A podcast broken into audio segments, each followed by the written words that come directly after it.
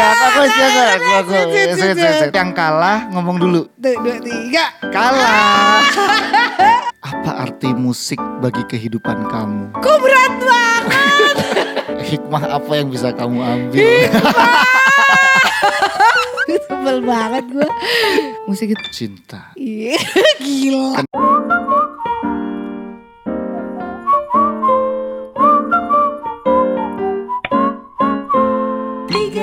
Dua, satu. Biber yuk.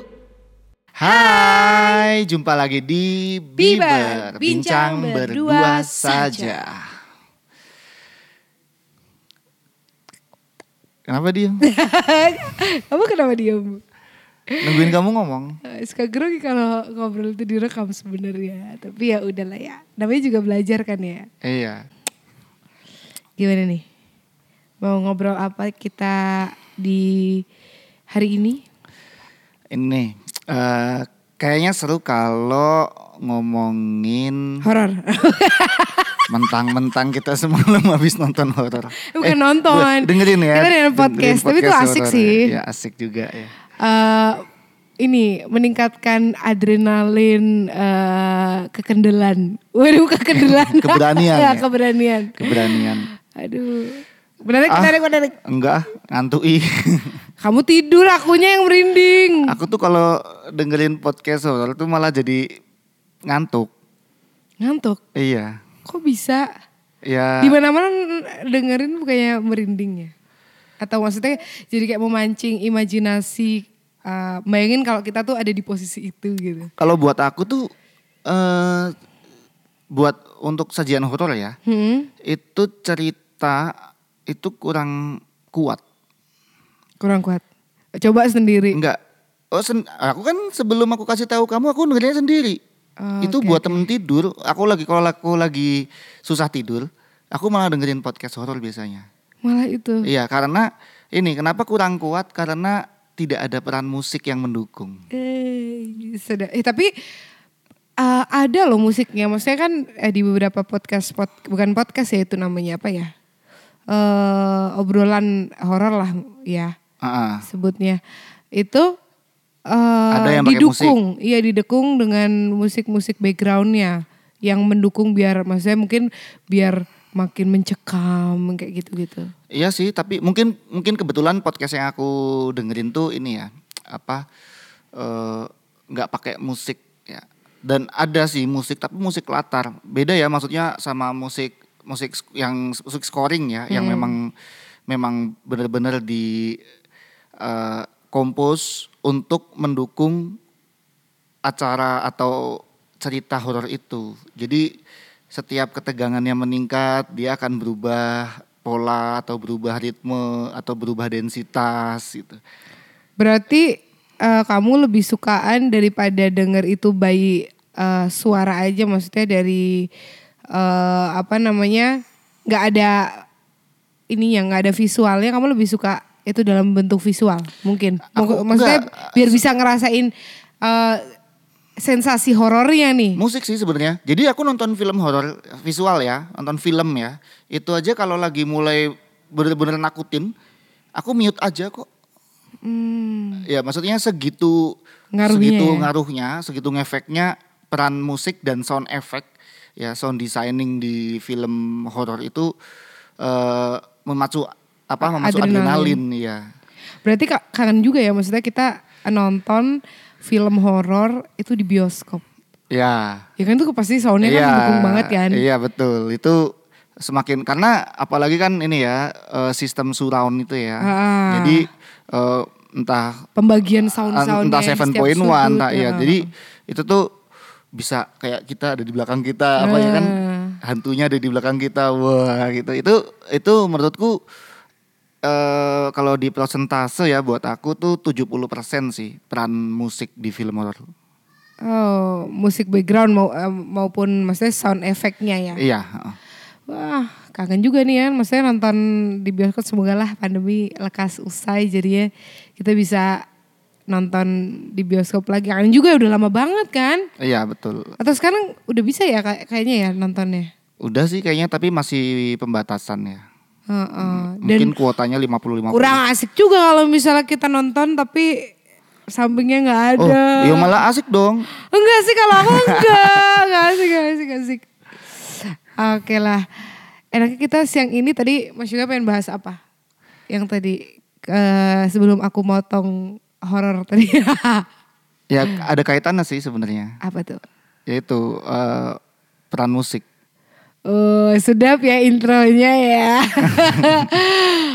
Oke, kalau di video sebelumnya itu kita bahas tentang kenapa sih kita memutuskan untuk kuliah musik. Oke, mungkin eh, ngelanjutin itu. Oke.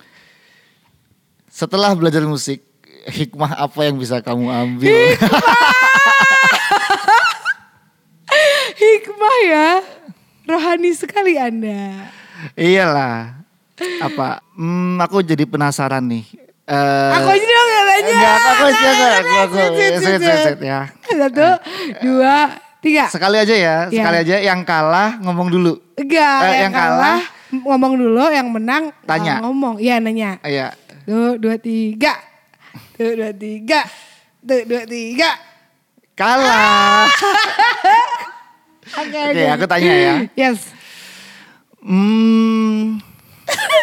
eh, soalnya soalnya nih eh, kita belum pernah diskusin ini sebelumnya. Iya, iya, Ya, iya. Jadi ini kita pertama kali diskusi. ini. Tegang banget, tegang banget, tegang, tegang banget. Oke. Apa arti musik bagi kehidupan kamu? Kok berat banget? yang berat banget pertanyaannya. Eh, ya dibuat gampang lah, dibuat simpel lah. Oke, oke. Apa arti musik Bagi kehidupan kamu. Bagi seorang Dara deh. bagi seorang Dara? Musik itu Kan kalau sering nih kita di sosmed-sosmed tuh music is my life ya kan. Iya. Eh, nah semacam apa tuh musik buat seorang Dara Lastaria? musik itu cinta. Cinta. Iya, gila. Kenapa? Karena tanpa cinta hidup kita hampa. Ya. ya. Masuk. Masuk. Terus terus terus. Ya tanpa musik kita hampa aja. Maksudnya sekarang eh, apa sih yang bisa healing kita dari keadaan? Maksudnya jadi jauh lebih mengobati ya, ya selain maksudnya kita juga quality time sama yang punya semesta ini. Tapi kan Jangan grogi dong jawabnya. tapi kan juga maksudnya di sebel banget gue tapi kan juga ini maksudnya ya musik itu cukup membantu kalau ibarat ini, Jadi ini, musik ini, adalah- ini, ini, jadi ini. musik adalah pembantu. enggak ibarat film horor tanpa dukungan dengan musik background apa sih hampa ya cuman dia paling cuman gereng-gereng dikit aja nggak yang gereng Apa itu geng-geng motor? Enggak yang merinding itu loh kan ibarat merinding tuh greng gitu. Ayo kulik lagi, kulik lagi. Ayo, apa? Ayo. Bayangin hmm, di dunia ini nggak ada hal yang bernama musik. Sepi. Ya sekarang motor ngereng itu kan juga ada suaranya. Itu bisa jadi musik. Bisa jadi musik. Iya. Kalau ditata. Iya. Kalau nggak ditata ya enggak dong. Emang iya ya? Hmm? Tapi aku pernah nonton film konser, diam itu juga musik lah. Iya, karena diamnya ditata. Diamnya ditata. Iya. Maksudnya gimana nih? Ini, ini, mana nih? ini, ini buka obrolan baru nih jadi oke oke oke. Apa nih ini, ini apa nih? Hah? Apa apa bisa ya? gitu? Iya, jadi eh aku kenapa kenapa komentar kayak gitu? Apa bedanya suara knalpot bombongan sama musik? Apa tuh kenapa? Hmm? Apa kaitannya? A- ya enggak? Apakah apakah semua knalpot bombongan bisa disebut musik? Kayak gitu misalnya ada motor lewat itu. Apakah itu bisa disebut musik? Enggak sih, itu bunyi. Itu bunyi. Oke, setuju. Cie. Gimana dong? Selamat satu poin. Iya ya kan? udah terus. Hah? Terus Ya, masih nunggu nih doang. Ah, Gimana nih? ya enggak kalau soalnya kalau kalau kan banyak juga nih yang ngomong bahwa adan itu musik gitu. Ya kan? Itu aku nggak setuju sih. Kenapa? Memang ada fenomena musik ya di situ ya. Harusnya ada ada hal-hal yang sifatnya musikal di situ, tapi belum tentu itu musik. Hmm. Karena musik itu mau jadi kuliah kan? Enggak dong, Enggak ya? maksudnya Ya anu ya, gampangnya Perspektif adalah kamu. ya gampangnya adalah musik itu eh, tatanan bunyi-bunyi ya yang tadi kit- kita sebut itu kan bunyi-bunyi tuh. Hmm. Itu eh, yang ditata. Yang sengaja ditata eh, untuk menjadi sebuah kesatuan. Oke. Ya, satu kesatuan yang disebut itu musik. Oke, aku malah ada pertanyaan nih. Kamu kan pernah, pernah membuat karya free jazz. Nah free jazz kan mungkin terdengar orang awam tuh kayak ini musik apa sih? Maksudnya kok ada duh duh duh, cuy cuy cuy cuy apa maksudnya dia kayak kayak terkesan tidak tertata. Tapi apakah itu bisa disebut musik? Bisa. Karena kan secara baik eh, aku yakin semua pemain itu secara sadar Hah? itu mendengar, saling mendengar. Ya kan? Hmm. Artinya ada connectivity di situ. Yang pertama kejadiannya aja udah direncanakan, Oke. ya kan? Kejadian musikalnya itu sudah direncanakan. Hmm. Yuk kita main jreng jam segini gitu kan start dengan eh, inisiasi atau dengan pancingan salah satu ngasih pancingan misalnya jreng gitu. Ya udah yang lainnya merespon. Tapi kan itu kan semua karena karena mereka mendengarkan dan kemudian mereka menimpali atau merespon apa yang mereka dengar itu. Yes. Kemudian yang lainnya juga mendengarkan permainan eh, pemain lain terus meresponnya juga. ya kan? Itu jadi ada konektivitas di situ Hmm. tertata secara kolektif. Ya, Menarik, menarik, menarik. Lulus lah ya. Iya. Ya jadi eh ya karena kok jadi aku sih yang ngomong. Iya.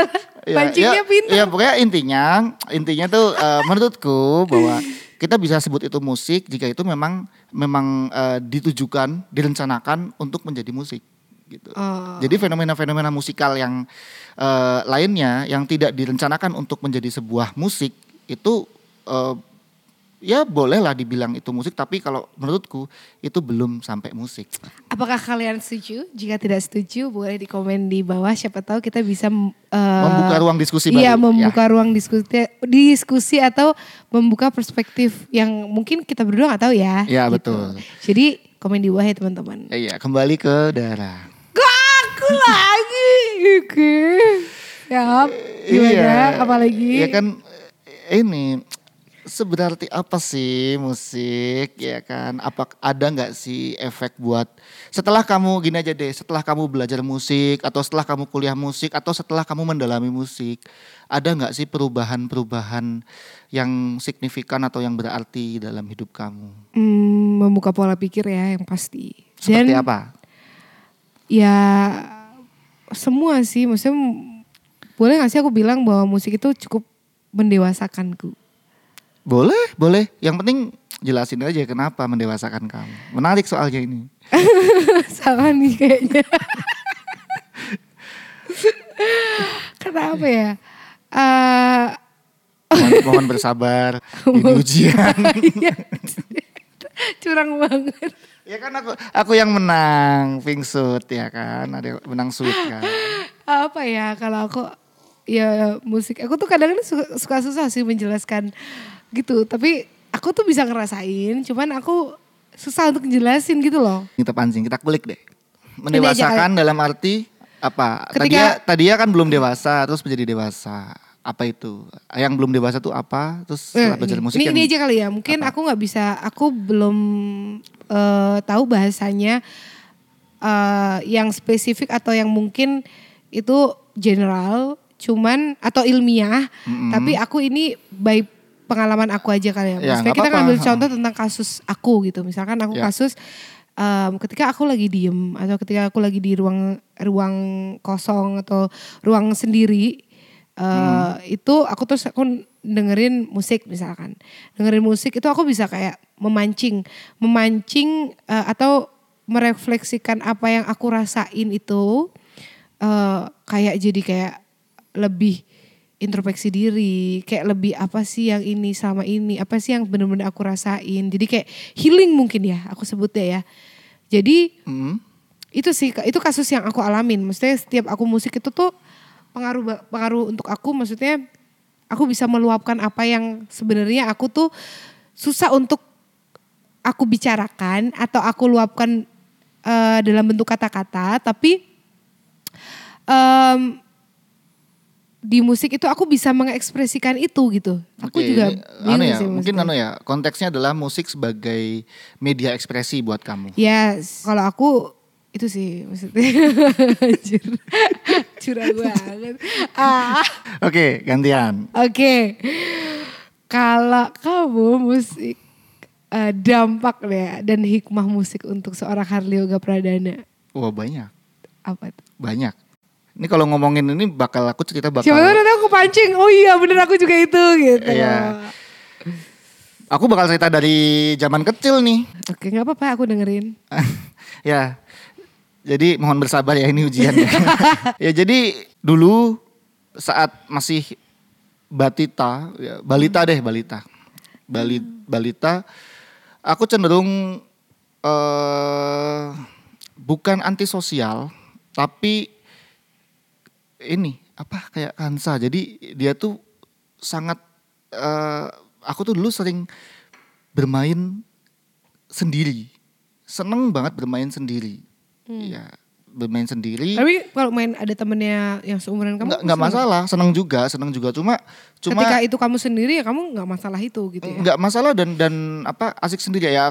Aku pikir mungkin semua anak kecil seperti itu ya. Cuma ternyata begitu lihat Kansa s- eh, apa? Aku seperti terefleksikan ya. Wih, ini kok dalam durasi yang lama gitu loh. Lama kan kita sering kita produksi apa pun itu kan kita biarin dia sendiri dan dia bikin mainannya sendiri gitu dan dia terus kemudian berkomunikasi sendiri. Ya kan? Oke, oke, oke. Ya jadi kayak monolog dia membuat sebuah karakter-karakter. Nah, itu aku dulu suka seperti itu. Hmm. Ya, aku eh, suka bermain dengan tangan terus aku mengimajinasikan sesuatu gitu ya. Jadi kayak kita bercakap-cakap tapi dengan dengan diri sendiri gitu. Hmm. Nah, itu eh prosentasenya lebih besar daripada aku berinteraksi dengan orang Oke. dulu gitu. Nah, walaupun tidak masalah ya, tidak ada masalah dengan sosialku, cuma lebih besar itu. Nah, terus eh ibuku itu nggak tahu kenapa itu sering sekali membelikan mainan itu alat musik dan eh, itu karena karena ibu itu bilang aku tuh lebih excited daripada dikasih mobil-mobilan, dikasih boneka misalnya, dikasih mainan-mainan apa bola gitu. Hmm. Yang paling bikin aku excited itu kalau dikasih kayak dulu mulai dari otok-otok. Oh tokoto. Ya, apa sih namanya ya itu. Otok-otok. Terus dikasihlah miniatur piano. Ya kan, dikasih beliin lah pianika, harmonika. Itu tuh aku selalu lebih excited daripada mainan yang lain. Hmm, Nah, oke. itu sampai aku TK nih, sampai aku TK terus aku ikut drum band. Nah, begitu aku ikut drum band itu sosial skillku tuh meningkat drastis. Hmm. Ya. Nah, itu itu catatan juga tuh. Maksudnya buat buat ibuku, "Wih, kok begitu ikut drum band kok sosial skillnya naik drastis nih." Nah, sepertinya musik eh, memberi apa ya, efek positif tuh di situ. Oke. Nah, terus eh interestku tuh memang memang begitu SD itu eh, ikut lomba-lomba baik tingkat kabupaten, nasional. Itu seperti perseni ya dulu namanya perseni itu ensemble pianika gitu ya. Terus penyanyi penyanyi tunggal. Aku dulu nyanyi cilik loh. Oh iya. Nyanyi cilik loh. Ya Coba dong sekali nyanyi dulu waktu kecil nyanyi apa? nggak usah. Ayo dong. Nggak ayo usah. Eh, sedikit aja sedikit. lihat di video ini aja. Oke, ya eh, terus eh, ibu tuh diam-diam tuh mendukung gitu karena karena beliin kado itu apa hadiah-hadiah itu mainan-mainan itu yang alat-alat musik walaupun miniatur gitu. Hmm. Sampai aku dibeliin gitar tuh waktu kelas 5 SD. Dan aku les gitar sampai dengan eh, dan aku tekun ya, tekun tekun dan ibuku melihat aku tuh senang sekali tuh menjalani les itu sampai dengan grade terakhir. Oke. Iya, artinya kan oh ada passion lebih di situ. Itu eh, ya kira-kira latar belakang kecil eh, latar belakang kecilku gitu. Nah, cuma kan aku nggak ada sadar tuh. Hmm. Aku tuh sadar banget itu begitu aku belajar musik di Jogja. Aku belajar Oh. musik di komunitas jazz Jogja. Heeh. Eh, lewat Senen eh, ya jazz band Senen, ada Etawa, ada jam session ya di Jogja. Di situ justru malah eh, aku banyak menyadarkanku tentang hal-hal di luar musik. Oke. Seperti eh, aku dulunya itu cenderung over protect eh, of- over perfeksionis ya kan terus ambisius terus bahkan bisa dibilang sampai temperamen lah istilahnya kalau Wow. iya karena karena aku sebenarnya lebih nyaman bekerja sendiri sebenarnya dalam bidang apa pun sebenarnya nah itu eh jadi eh, apa ya aku sering sering sering ini ya sering sering mengalami kendala kendala pengaturan emosi terutama begitu di kerja tim misalnya itu kadang aku agak kesulitan untuk blending. Nah, semen- semenjak aku belajar jam session, karena kalau jam session itu kan kita main bahkan tanpa persiapan, bahkan nggak kenal nggak kenal orangnya siapa, Yes. ya maksudnya bisa bisa sampai seperti itu, bahkan nggak tahu lagunya yang mau dimainin apa. Ya udah kita eh, istilahnya kun fayakun yang terjadi maka terjadilah di eh, di sajian jam session itu. Apa sih yang perlu kita lakukan? Ya kita kan mendengarkan. Kita berusaha untuk memahami, kita berusaha untuk mendukung apa yang teman-teman kita lakukan di jam session itu. Nah, di situ tuh aku semakin aku belajar belajar dengan cara itu, itu banyak mengubah kepribadianku juga. Yang tadinya eh, ambisius di sini mungkin lebih ke selfish ya. Aku eh, ego egoku tinggi sekali gitu. Bisa terpaksa awalnya terpaksa sampai lama-lama aku Bisa berdamai. bisa berdamai dengan itu. Oke, Terus nice. eh, yang tadinya eh, social skillnya mungkin dibilang rendah ya atau di bawah rata-rata gitu, itu jadi harus meningkat ya kan karena egonya udah nurun.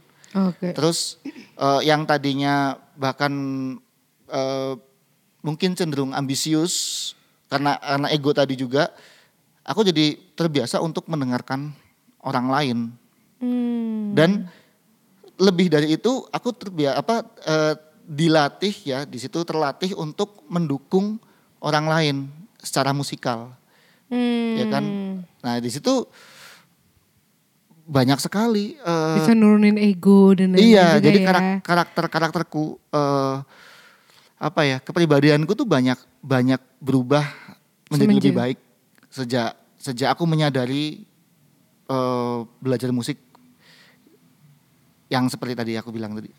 Wow keren sih, tapi aku juga agak setuju sih, maksudnya di aku pribadi itu juga ngerasain hal yang sama, maksudnya di musik itu kayak, ya tadi kayak eh, belajar untuk ego, belajar untuk saling mendengarkan, apalagi kalau di sini konteksnya kita ensemble ya, yang mana kita bermainnya tuh nggak sendiri nih, otomatis kan kalau sendiri kan kita eh, akapela ya kan, kalau aku, kalau aku Iya. akapela, mungkin aku tetap butuh dong, maksudnya se- seorang keyboardis atau basis atau gitaris gitu yang untuk ngiringin aku gitu. Nah itu aku nggak boleh egois juga. Makanya aku sih kadang tuh aku kalau di sini konteksnya mungkin aku nggak tahu itu musik atau apa. Cuman aku selalu gini.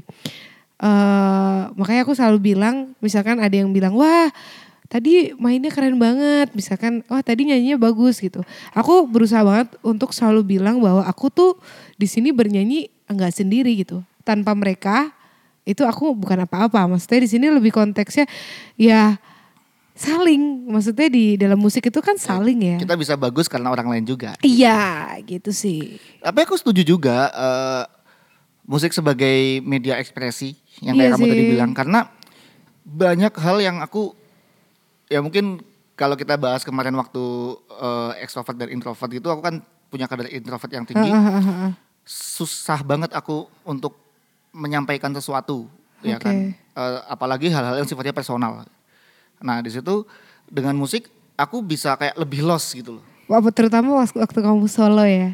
Ya, jadi aku bisa kayak ngeluapin apa yang aku rasa Iya. gitu. Jadi aku misalkan eh, saat itu aku sedang merasa bener-bener sakit gitu misalnya perasaannya itu aku bisa ekspresi ini tuh tanpa tanpa harus memaksa orang untuk mendengarkan ceritaku gitu. Iya, iya, iya, iya. Itu aku yang rasain juga. Maksudnya ternyata di musik itu seluar biasa itu eh, dampaknya untuk aku. Habis itu lega gitu. Iya. kan. Iya. Habisnya langsung lemes gitu. Karena maksudnya di sini ya itu sih mungkin untuk di tahap itu kita harus eh ya harus kenalan dulu, harus maksudnya untuk apa ya? Maksudnya wawasan ya Wawasan. Eh, wawasan bukan wawasan dari gimana sekolah gimana atau ya. gimana ya, cuma tapi ya itu jadi kayak semakin banyak kita tahu gitu kan kita semakin bisa mengapresiasi. Yes. ya kan? Eh, karena kan nggak bisa dipungkirin nih kalau kita ngomongin musik banyak masih banyak orang yang menganggap musik itu lagu. Lagu. Berlirik ya. bervokal. Dan harus menghibur. Eh, itu kan eh, apa namanya itu Banyak loh maksudnya kenapa aku tadi bilang gitu karena kan kita eh, kita di luar dari sisi idealis ya maksudnya kan banyak banget eh, orang kebanyakan itu yang maksudnya masih benar ya musik itu yang menghibur misalkan musik eh ini wah kamu nggak bisa main musik padahal kan kita bicara konteksnya bukan dari musik eh, adalah hiburan gitu ya, kan ya sebenarnya musik itu luas kan. Luas Musik- banget. Ada dari segmen hiburan ya kan. Eh, makanya kan ada segmen entertain ya. Yes. Entertain ya hiburan, pertunjukan dan semacamnya gitu. Itu eh, dan tadi aku bilang apa lagu ya. Lagu lagu itu juga juga musik gitu. Salah satu bagian dari musik. Tapi musik tidak hanya sebatas itu sebenarnya gitu. Makanya tadi aku di awal bilang bunyi-bunyian yang sengaja ditata ya kan untuk eh, menjadi satu kesatuan yang namanya musik. Makanya emang perencanaan itu itu kan kalau kita kita make pe- perspektif itu kan musik jadi luas banget dong. Iya sih, aku eh, tidak dipungkiri aku dulu melihat musik itu dari eh, kacamata aku tuh musik adalah harus yang berlirik, harus yang Ya. ya, ya gitu Ya kan, ya kan dulu kita sempat ini nih. Jadi dulu saya sama Dara tuh pernah berdiskusi sengit. Enggak sengit juga. Seru, seru ya. Berdiskusi seru Iya, ya. iya, Seru tentang ini, tentang perspektif musik. Jadi Dara dulu eh, ngomong musik itu ya contohnya adalah Yang bisa bikin orang nyanyi bareng atau apa Iya, ya gitu. jadi konteksnya adalah lagu. Sementara kalau kayak aku, aku jujur dengerin lagu ataupun musik itu jarang sih dengerin liriknya. Hmm. Menikmati liriknya ya. Kalau lirik tuh biasanya kemudian aku kayak eh, mendengarkan untuk menginterpretasi atau Hmm. kadang mendengarkan untuk untuk ya aku aku suka ikut nyanyinya misalnya gitu. Tapi untuk menikmati musik secara umum biasanya jarang. Aku lirik tuh bukan nomor satu gitu Hmm. tapi komposisinya, alur yang dibawakan oleh musik itu. Ya kan Berarti- kayak kayak nonton film kita. Iya, benar, Dari benar. intro sampai ending. Oke, berarti boleh gak sih kalau aku bukan menyimpulkan, tapi boleh gak sih kalau aku bilang bahwa tergantung kita mau bicara segmen musiknya tuh bukan segmen ya, Konteks. konteks musiknya tuh untuk apa? Mungkin ada untuk entertain, tadi ada untuk hiburan atau untuk apa pun kan ada untuk healing juga musik seperti apa yang cocok atau kayak gimana gitu kan Iya. maksudnya. Oke, kalau tadi eh, kita udah bicara dampak nih buat eh, anu sih mungkin hikmah itu tuh. ya iya. ya supaya lebih agung ya kan. Oke Hikmah. oke. Pak Agung? Oh bukan. Bukan, maaf. Pak. enggak enggak. Maksudnya kita tadi udah bicara soal hikmah dari kita berdua yang kita berdua rasain kan gitu. Tapi mungkin juga ada teman-teman yang ngerasain hikmah yang kalian dapetin dari kalian itu mengenal musik itu juga macam-macam gitu. Iya. Ya kan? Pastilah, pasti. Kan karena kan eh, itu sangat berkaitan sama subjektivitas setiap orang. Iya. Memaknai musik, memaknai lagu itu kan beda-beda banget. Kalau Mas Yoga ini termasuk eh, ini nggak penganut musik itu menghidupi.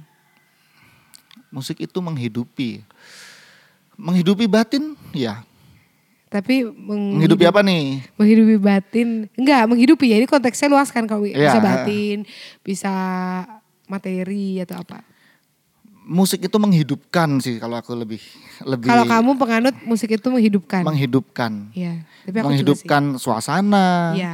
menghidupkan jiwa, ya kan? juga sih. ya itu tadi yang aku bilang horor tanpa musik backgroundnya ya iya. mungkin tidak se Jadi jadi ampang ya, Iya. ya kan? Jadi hampa rasanya. tapi kadang-kadang musik tuh juga sering di ini ya sering di uh, lirik sebelah mata maksudnya Tiga, dua, satu. Terima kasih.